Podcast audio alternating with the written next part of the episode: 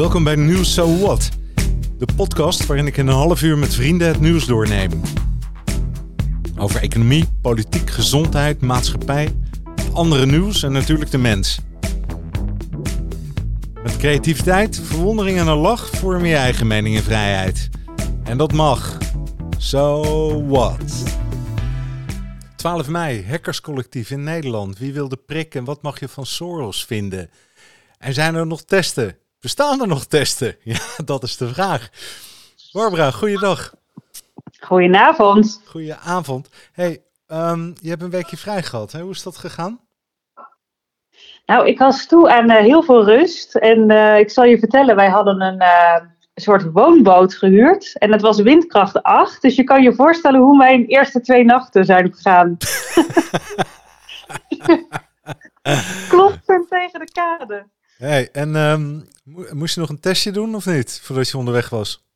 Nee, gelukkig niet. Nee, ik heb het gehad, hè. Ik nou, heb me dan... wel af zitten vragen, want ik zag dat uh, met de nieuwe wet die in voorbereiding is, uh, dat straks mensen die uh, het al doorleefd hebben, ook zeg maar een soort van bewijs kunnen overhandigen dat ze het hebben gehad en dat dat ook voldoende is. Toen dacht ik, waar gaat dat, dat, dat, um, dat, dat bewijs dan vandaan komen? Hoe gaan we dat organiseren? Dus nou ja, er kwamen meteen een heleboel vragen bij mij op.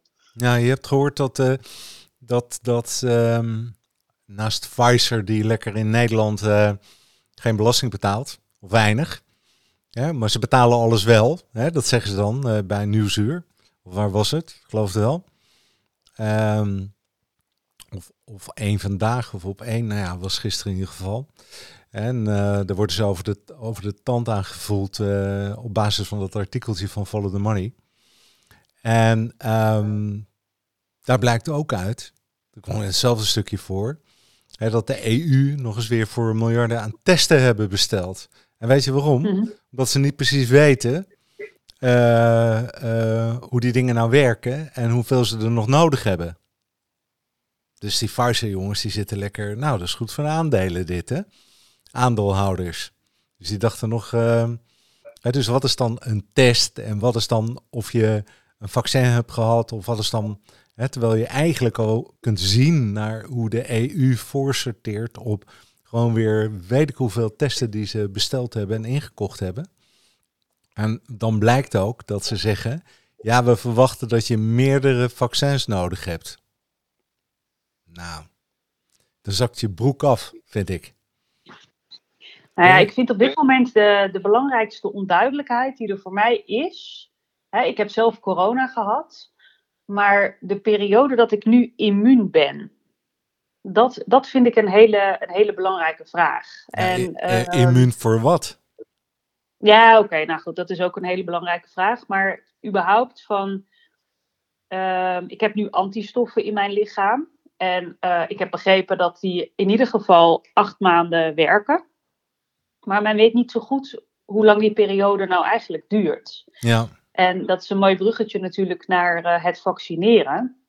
Als je overweegt om te vaccineren, uh, hè, als, je dat, als je dat doet, dan is het natuurlijk wel een hele wezenlijke van ja, maar als je al antistoffen hebt, dan heb je in principe het vaccin niet meer nodig. Maar ja, als je, uh, het, daarbij is het natuurlijk wel van belang dat je iets weet over die immuniteit. Ja. Hè, hoe, lang die, hoe lang die aanhoudt. Dus dat vind ik wel vooral um, nou ja, een hele wezenlijke vraag, die in ieder geval um, voor mij nog steeds niet beantwoord is. Nee. Hij kwam natuurlijk even aan bod in het, uh, in het, uh, in het, uh, in het kamerverhaal met, met Sylvana Simons, waar we het eerder over hebben gehad. Hè? Dat ja. ging hierover. Dat was een hele, hele goede kritische vraag die, die zij stelde. Maar ja, voor, voor mij staat de vraag nog steeds open en ik vind hem super wezenlijk. Ja, ik vind hem ook heel wezenlijk. Nou ja, ik hoop dat het goed gaat. Maar kijk, stel dat de EU een vooruitziende blik heeft. Eh, eh, net zo goed als dat we, geloof ik, voor iedere, iedere persoon in Nederland al, al 100 uh, maskers of 10 maskers op voorraad hebben liggen. Of 100 geloof ik zelfs. Hebben ze ook allemaal van tevoren ingekocht. En je ziet zo'n EU bewegen naar nog meer vaccins inkopen. Veel meer dan dat we aan mensen hebben binnen de EU. Dan, dan, dan, dan verwachten ze gewoon Oh, er komen nog wel een paar prikken aan de komende jaren. Ja, en dan kopen ze ook nog een, het vaccin van, van toen. Ik neem aan dat dat het, het, vaccin van de toekomst dan wordt, hè? Wat ze dan kopen of krijgen, omdat het weer aangepast wordt aan hè, nieuwe varianten op de virus. Wat ik begrepen heb, is dat uh, het vaccin, uh, hè, dat dat ongeacht de variant wel werkzaam heeft, alleen, of werkzaam is. Alleen de vraag is uh, hè, of, of, of het dan wellicht uh, voor een iets lager percentage effectief is hè, dan, dan bij, de, bij de basisvariant, op basis waarvan het ontwikkeld is. Ja, ik ben bezig met een soort um, opiniepeilingje. en dat is eigenlijk het eerste onderwerp waar ik het met jou over wil hebben. Dat gaat over dat hackerscollectief. de Dark Side. Ik heb er gisteren nog eens even met Frans over gesproken. En toen dacht ik, eigenlijk moeten we naar oplossingen gaan. Hè? Voor degenen die niet weten waar het gisteren over ging.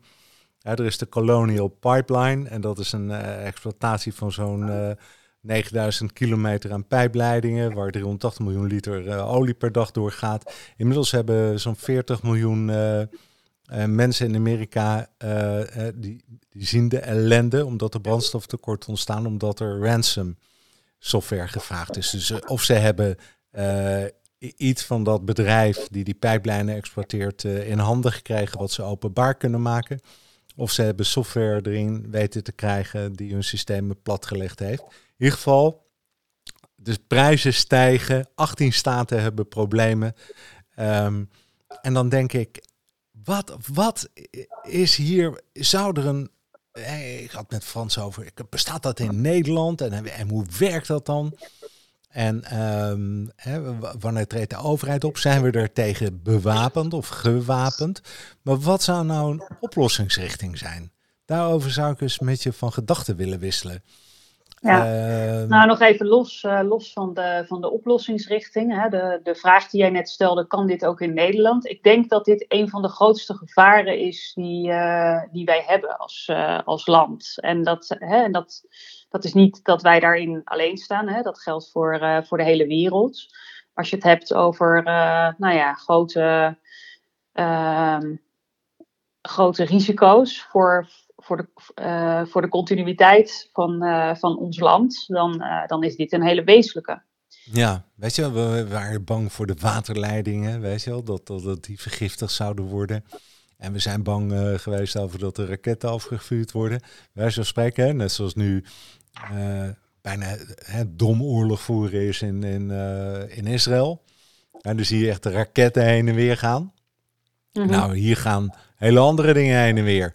Hè? Bitcoins nou, en, het, en ransomware. Ik ben het even, ik ben het even nagegaan hè, van uh, hoe, hoe kwetsbaar zeg maar, is onze vitale infrastructuur. En ik kwam een artikel tegen uh, van, uh, van BNR van twee jaar geleden, mm.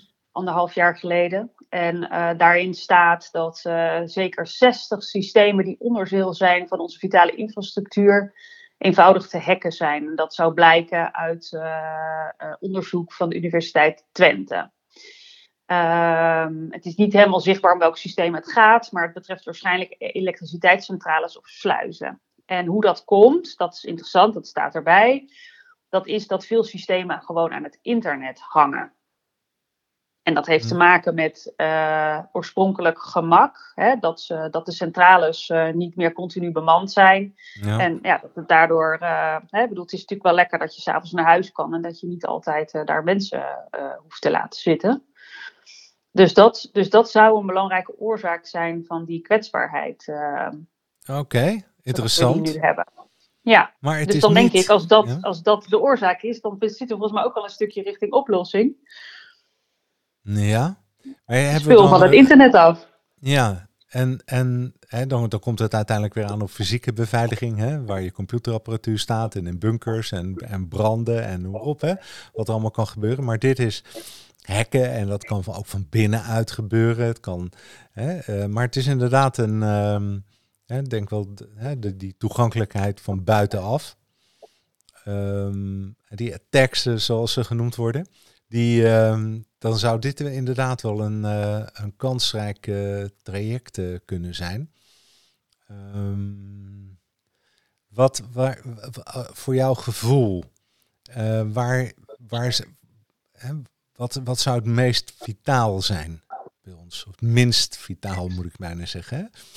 Of hè, wat is het makkelijkste? Waar treffen ze ons het hardste? Dat is eigenlijk mijn vraag. Dat is misschien wel elektriciteit. Of, of, hè? Nou ja, kijk, bedoel, we hebben natuurlijk gewoon in Nederland vitale processen. Hè, die zijn gepubliceerd op de website van, uh, van de NCTV. Daar kan je precies zien zeg maar, wat, wat onze vitale processen zijn. En dat zijn echt hè, zeg maar de, de kern van de werking van onze samenleving. Dus. Uh, en wel, welke site is dat, zeg je nogmaals? Want... Van, de, van de NCTV. Wat, wat is dat? Nationaal Coördinator Terrorismebestrijding. Oké. Ah, interessant. Ja. Um, maar goed, ik denk, ik denk dat. Uh, ik, bedoel, ik, ik weet niet of je nog de, de kaashack kunt herinneren. Dat was nog niet zo lang geleden, volgens mij. Uh, nou, een paar maanden terug.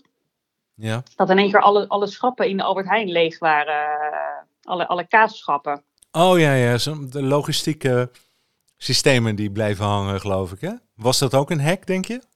Ja, ja nee, dat, uh, dat was het. Uh, dat ging over uh, bakkerlogistiek. Die was gehackt. En, die, en dat is dus niet alleen een broodproducent, maar die levert ook kaas. En uh, nou ja, door die hack kwam er dus gewoon geen kaas meer in de schappen van van de supermarkt. En toen rees ook de vraag van, hè, moet eigenlijk de levensmiddelen sector niet ook als vitaal proces uh, opgevoerd uh, worden? Want op dit moment inderdaad gaat het met name over elektriciteit en uh, nou ja, dat, soort, dat soort zaken. Heb jij het idee, even een andere vraag, maar wat in het verlengde hiervan, dat de wereld een beetje in de fik staat? En dat we... Nou, ik vind, ja, ik vind dit een, echt een hele, hele spannende met die ransomware en, ja. en, en, en hacks omdat ik denk, het is een soort van ongrijpbare vijand. Uh, zo, zo voelt het voor mij. Ja, dan zijn dat de raketje over en weer schieten. Hè? Dat, is, dat is gewoon amateur. En die zie je aankomen. Ja. Nou ja, soms komen ze wel heel snel, maar ik bedoel, uh, ja, dat is, dat, is, dat is iets wat, uh, ja, wat op een gegeven moment in het proces zit, zeg maar. En, uh, en die, ja, dit, dit, dit overvalt je ja. heel plotseling. Hè, dit, dit, dit kan je niet zien aankomen. Ik bedoel, dat wordt niet aangekondigd. Nee. En ik denk dat, uh, nou ja, ik ben ook een beetje in die, uh, in die partij uh, gekropen, die zeg maar, nou ja, achter die ransomware aanval van die, van die, van die pijpleiding zou zitten, hè, Darkside. ja. En daarvan wordt ook gezegd dat ze hebben gewoon een heel slim verdienmodel opgesteld. Ja. En of het allemaal klopt, weet ik niet. Hè? Maar dat is even wat ik, uh, wat ik uit de kranten haal. Maar dat zou betekenen uh, dat, er een, dat er gewoon een sprake is van afpersing. En dat dat het doel ja. is. Hè? Niet het doel om de boel plat te leggen. Ja, wel. Hè? Dat was collateral damage bijna. Ja, maar het doel is gewoon de poen binnen te halen. En, uh, ja, of maar... je wil een punt maken. Of je wil laten zien hoe kwetsbaar dingen zijn. Hè, dat, bedoel, dat, dat kan ook. Maar goed, ze, ze vragen er ook wel hele grote bedragen voor. Aan de andere kant laat je daarmee ook wel zien dat het je heel serieus is. Ja, ja, ja. Nou, wauw. We hadden het net even over die vaccinaties en die prikken. Even een ander onderwerp. Uh, daar komt uit, zo schrijft de Volkskrant, dat slechts 53% bereid is om een prik te nemen. Wat vind je daarvan? Valt je dat tegen of valt je dat mee? Nou, ik had wel verwacht dat het hoger zou liggen omdat ik ook wel om mij heen uh, veel mensen hoor die blij zijn hè, dat, dat ze eindelijk aan de beurt zijn uh, voor de vaccinatie. Ja. En dan overigens ook wel mensen die wat ouder zijn dan ik. Um, ja, dus ik had, ik had wel verwacht in de praktijk dat het hoger zou zijn. Ja. Maar goed, ik, ik heb ook begrepen dat het in Nederland ook wel iets hoger ligt, dat percentage. Dus, ja, in Noord-Amerika 59% en Azië 76%. En uh, ze, ze zeggen dat om ons te beschermen, waar dan precies tegen, dat moeten we dan nog afwachten. Maar in ieder geval zoals het nu gedefinieerd wordt, het coronavirus, 70 tot 90 procent moet ingeënt zijn dan. Nu heb ik mijn vraag natuurlijk voor jou. En dat is, stel dat we nou op 50% blijven zitten, 53%. En we hebben het over vaccinatiebereidheid. Vind je dan op basis van de totale bevolking en de bescherming daarvan dat het verplicht moeten stellen? Nou, ik vind sowieso dat je nooit een vaccinatie uh, verplicht mag stellen. Ik vind dat echt een beetje vooroorlogs uh, taferelen komen er dan in mij op. Of misschien wel oorlogse taferelen. Ja. Um, kijk, wat ik, wat ik opvallend vind aan wat jij zegt, is dat uh, is, is, is eigenlijk de uitspraak: hè, om beschermd te zijn, moet 70 tot 90 procent van de mensen zich laten vaccineren. Daarbij gaan we weer voorbij aan de vraag wat het betekent als mensen het coronavirus uh, al hebben gehad. Ja. Hè, dus de immuniteit die ontstaat doordat mensen uh, gewoon ziek worden, hè, in plaats van nou ja, dat ze, dat ze uh, het goed doorstaan en het vaccin krijgen. Dus ja, ik blijf toch steeds uh, een beetje hangen op die hele wezenlijke vraag van mij. Ja. Ja. Waar tegen ben je beschermd? Uh, of waarvoor? Of, um, en hoe lang blijft nou ja, het? Daarbij, daarbij, daarbij geloof ik echt wel dat het vaccin um, hè, voor meerdere varianten beschermt. Hè. Als men dat zegt, dan, nou ja, dan, uh, dan, uh, dan uh, um, heb ik geen reden om aan te nemen dat dat niet zo is. Maar met name de immuniteit van het, die ontstaat na het doorstaan van het virus, dat, um, ja, dat vind ik gewoon een hele, een hele ingewikkelde. En ik snap ook wel dat, dat de gegevens er nog niet zijn, hè? want zo lang hebben we het nog niet. Dus uh, ja, we zijn gewoon nog data aan het opbouwen met elkaar. Maar voordat je echt goed naar de toekomst kan kijken, uh, moet je dit soort dingen natuurlijk wel weten. Ja. Nou, de landen die het, is het, meest gevaccineerd zijn hè, uh, per 100.000, zeg maar. Uh, dat zijn de Seychelles, Israël, Verenigde Arabische Emiraten, Chili en Bahrein. Um, en het is grappig. Nee, het is helemaal niet grappig. Dat als er nu naar de statistieken gekeken wordt, dan is buiten Israël zijn die landen met de hoogste uh, gevaccineerde graad um, hebben, de, hebben het hoogste aantal nieuwe coronagevallen per hoofdbevolking. Wat vind je daarvan? Na de vaccinatie. Na de vaccinatie.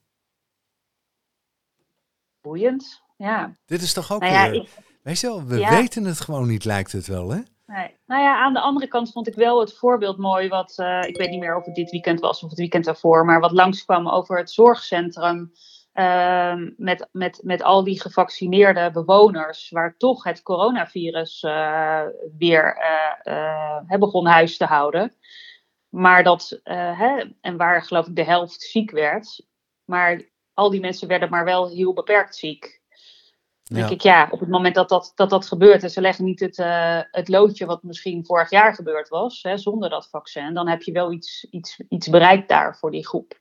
Ja. Nou, nou, dus goed, dat kan ik dan weer niet helemaal rijmen met wat jij zegt over, uh, over ja. die landen. Maar... Ik ga er morgen namelijk over praten, over dat onderdeel. En ik heb het eigenlijk hierin gestopt nu. Maar um, uh, dan, dan, vertel ik ook waar, waar de bronnen zijn en uh, waar dat vandaan komt. Hè. Dat zijn gewoon de algemene cijfers hè, die je terug kunt vinden. Maar het gevaar is natuurlijk, en dat is het. Hè, ik ben ook nogal een. Uh, nou ja, ik zeg geen flap uit, omdat ik nadenk over wat ik zeg. Maar hoe goed het onderbouwd is, dat, daar kan ik, kun natuurlijk ook vraagtekens bij zetten over wat ik zeg. Maar het maakt ook niet zoveel uit. Maar in ieder geval belangrijk dat je erover nadenkt. Hè? Dat je ook natuurlijk weet dat ik het, dat ik het ook niet weet. Hè? Dat jij het ook niet weet. Maar um, stel nou dat het wel zo is, dan is dat boeiend. En dan moet je erover nadenken. Van wat is daar? Dan moet je gaan onderzoeken. Hè? Ik, nodig ook uit iedereen om te gaan onderzoeken wat nou. Hè, uh, wat nu daadwerkelijk aan de hand is. Want je moet nergens zomaar hè, uh, naar luisteren en denken van nou, dan zal het wel zo zijn. Dat is altijd het gevaar, hè, als je even zo kort uh, ergens over praat. En dat je er net niet helemaal diep genoeg in zit om hè, de juiste context te bepalen. Hoe kijk jij aan tegen wat ik nu zeg? Vind jij dat ook? Of, uh, hè, er zit natuurlijk een onderzoeksplicht in hè, voor iedereen. Nee, zeker. En ik merk ook dat, uh, kijk, we kunnen een, uh, een deel van het onderzoek uitvoeren, maar het ontbreekt ons gewoon nog aan, aan, aan ervaring. En dat speelt ons hier apart. En dat maakt ook dat mijn wezenlijke vraag over de, over de immuniteit niet beantwoord kan worden. Want ik bedoel, het duurt simpelweg nog niet lang genoeg. Hè? Ik bedoel, misschien ben ik, ben ik wel 15 jaar immuun. Niemand weet dat. Ja. En, en, dat, en dat maakt het, uh, maakt het lastig. En uh, de reden dat uh, hè, bijvoorbeeld een, een Bahrein, zeg maar, hè, dat daar hele hoge vaccinatiecijfers gerealiseerd zijn. Ik heb ook begrepen dat dat land erin geslaagd is om, geloof ik, in een, nou, in een paar weken tijd de hele populatie te vaccineren. Nou, 47 procent is het nog maar hoor. Israël 60%, Seychelles 69%. En de Arabische okay. Emiraten staan derde op de lijst. dus dat valt ook nog wel mee. Hè? Maar ja, 51%. Ja, kinderen hoeven niet. Hè? En, en, dus ook hier weer kun je natuurlijk allerlei vragen bij stellen. Hè? Want een cijfer, een kaal cijfer zegt ook niet. Hè? 45% van de bevolking, ja, misschien hoeft er maar hè, 60% van de mensen gevaccineerd te worden omdat je mhm. ouderen hebt die misschien niet moeten, of jongeren wel, of nou, wat dan ook. Hè, omgedraaid meestal trouwens. Ja, dat vond ik ook nog wel een opvallende. Dat uh, in Amerika dat ze nu bezig zijn met uh, toch, nou ja, uh, vrij jong deel zeg maar, van, de, van de samenleving. Namelijk uh, volgens mij 12 ehm, tot 16 jaar, geloof ik. Waar was dat? In Amerika. Oké. Uh, terwijl ik altijd gedacht heb dat het voor kinderen niet nodig is. Nou ja, goed, mijn eigen kinderen hebben corona gehad en die zijn er ook nauwelijks ziek van geweest. Eigenlijk niet. Um, dus ik zie wel daar, zeg maar, dat die, dat, die, um, dat die grens lijkt op te schuiven naar beneden. Dus dat vind ik ook nog wel een interessante. Dus daar uh, zie ik ook uh, dat, uh, ja, dat men toch niet zo heel erg vasthoudt aan wat er eerder gezegd is. En hoe dat komt, uh, weet ik niet. Hè, of dat nieuwe inzichten zijn. Of ja, toch het creëren van zo groot mogelijke veiligheid uh, ja. binnen het land. Maar als je bijvoorbeeld kijkt nu in de Seychelles. Ik kom er toch nog even, want het blijft anders een half verhaal worden. Hè? Maar in de, op de Seychelles heb je dus 328 gevallen per 100.000 inwoners. Coronagevallen. Mm En wat schat je in dat in India per 100.000 inwoners?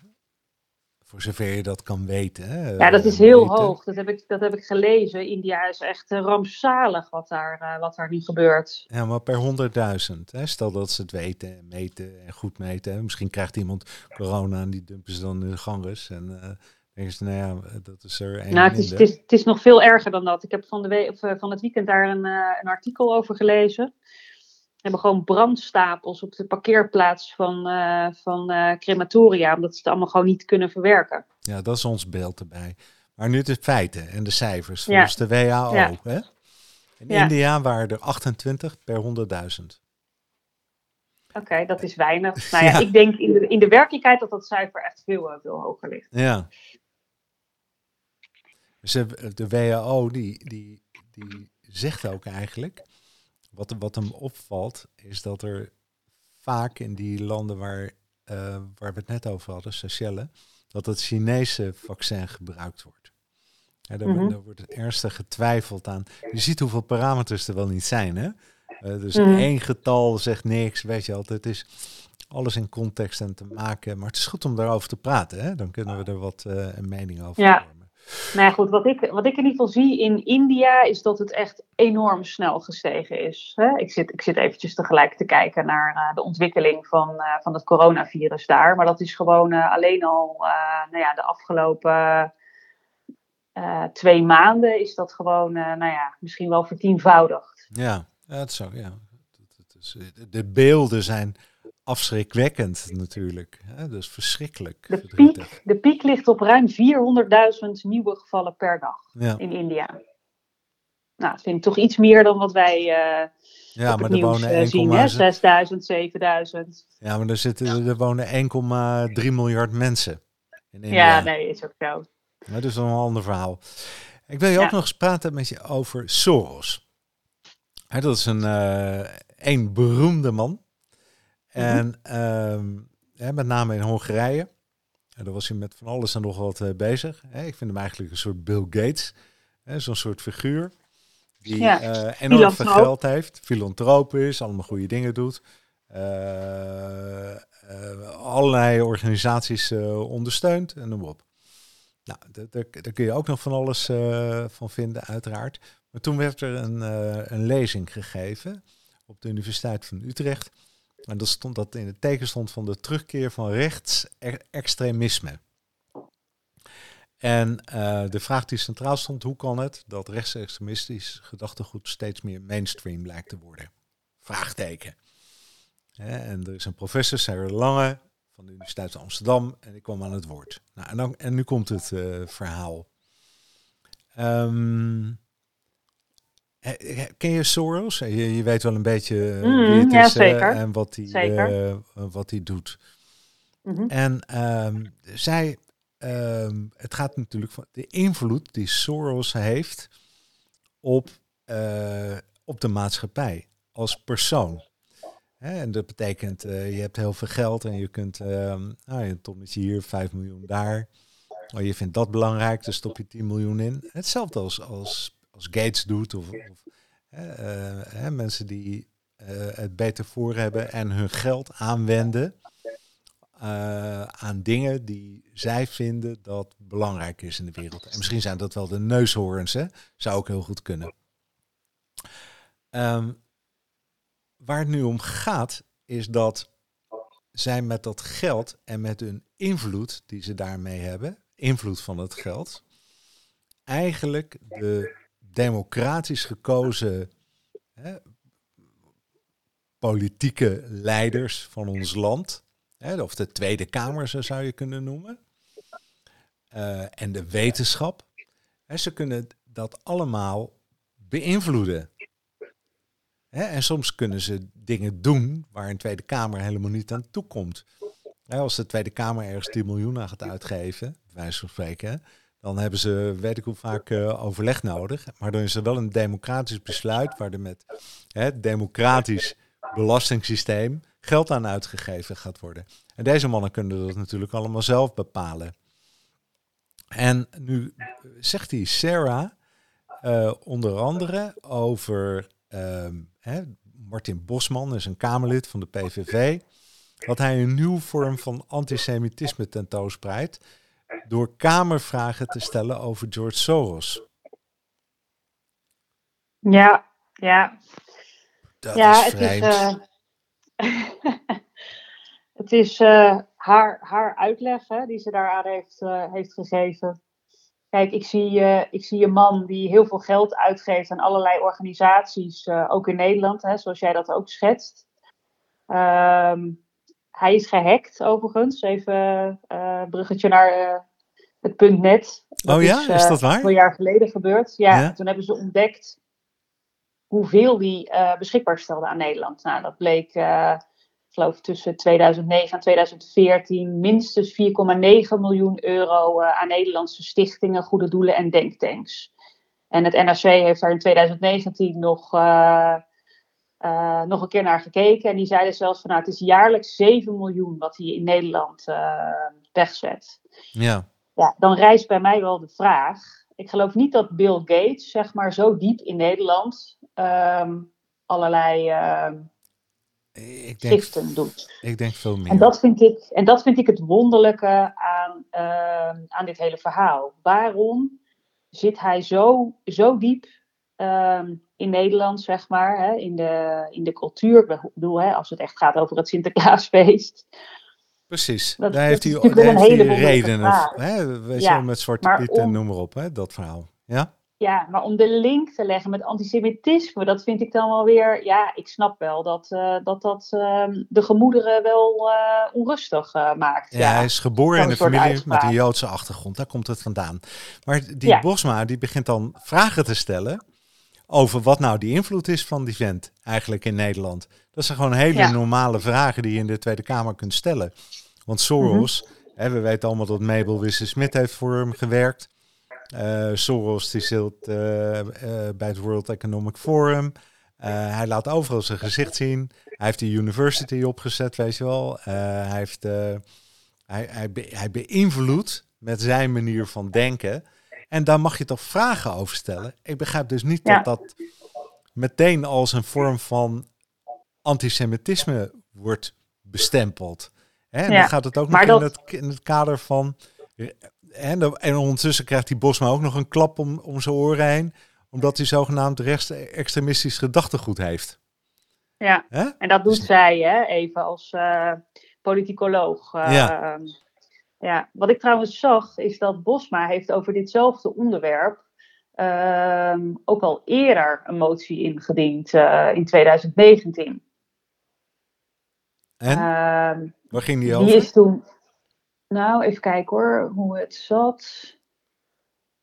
Ja, over, uh, ook over dit, over dit onderwerp. Nou, in ieder geval, een Tweede Kamerlid, die mag alle vragen stellen die hij wil.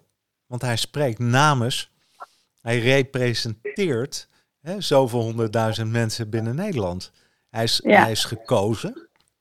Hij stelt daar vragen over, wat die meneer Soros nou wil met zijn geld. Dan kan hij ook over een heleboel andere stichtingen zeggen. Hè? En, en, en ook aan geldgevers uh, mag je dat soort vragen ook stellen. Maar dan ben je toch niet een of andere... dan word je toch niet weggezet als een rechtsextremist en dat een nieuwe vorm van antisemitisme is. Maar nee. het maakt me wel nee, ik zeg het net fout ik moet het, ik moet het even rechtzetten. De motie waar uh, uh, professor Sarah de Lange het over heeft, dat is een motie uit 2019. Dus het is eigenlijk zeg maar uh, een beetje oude, oude koek. Ja. Maar wat interessant is, is dat er in 2018, dus een jaar eerder, is er een motie ingediend over geen financiële verplichtingen met organisaties gelieerd aan het Soros Foundations Network. En die motie is toen verworpen. Uh, omdat, uh, nou ja, op twee partijen na iedereen erop tegen was. Hm. Ja, ja. Dus het is, geen, het, is, het is geen nieuw thema, zeg maar, in de Kamer. Nee, het is een, een, een, ja, klopt, oud thema. Maar het is natuurlijk wel de vraag, um, en dan kom ik dan tot het punt dat zo'n mevrouw wel op de universiteit zit en blijkbaar dit soort gedachtegoed erbij op nahoudt. En dan blijkt ook hè, dat die Soros, op het moment dat je aan die man komt, dan, blijkt je, dan blijkt hoe machtig die is. Want dan komen er allerlei lieden die hem gaan verdedigen. En sterker nog, de aanval gaan kiezen op, de, op de aanvallers van Soros. En dat baart me zorgen. En zeker omdat het een of andere mevrouw is op de universiteit. Weet je wel? Uh, uh, nou, ik ben, ik ben wel verbaasd dat ze inderdaad dit soort uitspraken doet. Dat ik denk, ja, ik vind het. Uh, ja, ik, ik begrijp het niet zo goed. Ik heb, uh, ik heb een, een, uh, een breder deel van haar, uh, van haar lezing beluisterd. En ik kan dan niet zo goed plaatsen dat ze zo'n soort, zo'n soort uitspraak doet. Nou, nou ja. Of het nou een slip op de tong geweest is, of ja. Hmm. Ja, kijk, oh ja, dat, is, dat is ook weer, hè? dat is context weer. Hey, ik heb, ik heb um, hartstikke leuke dingen voorbij horen komen. Je hebt me weer, uh, ik heb weer van je geleerd. hey, dat is mooi, Barbara. Hey, moet niet gekker worden, hè? Nee. hey, ik wens jou, uh, ik dank je enorm. En ik wens je nog een, uh, een hele mooie avond. avond. Hoi, hoi. Okay. Dag, Barbara. Hoi, hoi. hoi.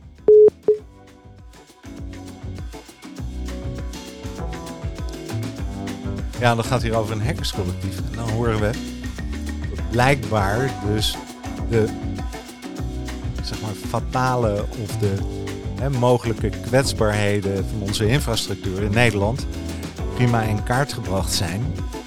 Ben ik heel benieuwd morgen met Hans wat hij daarvan vindt en hoe dat beschermd kan worden en welke rol de overheid daarin heeft of de particuliere bedrijven en waar de gevaren vandaan komen. Um, Soros, ook een mannetje, ongelooflijk veel invloed. Ik vind sowieso hè, dat prima met je geld aan goede doelen.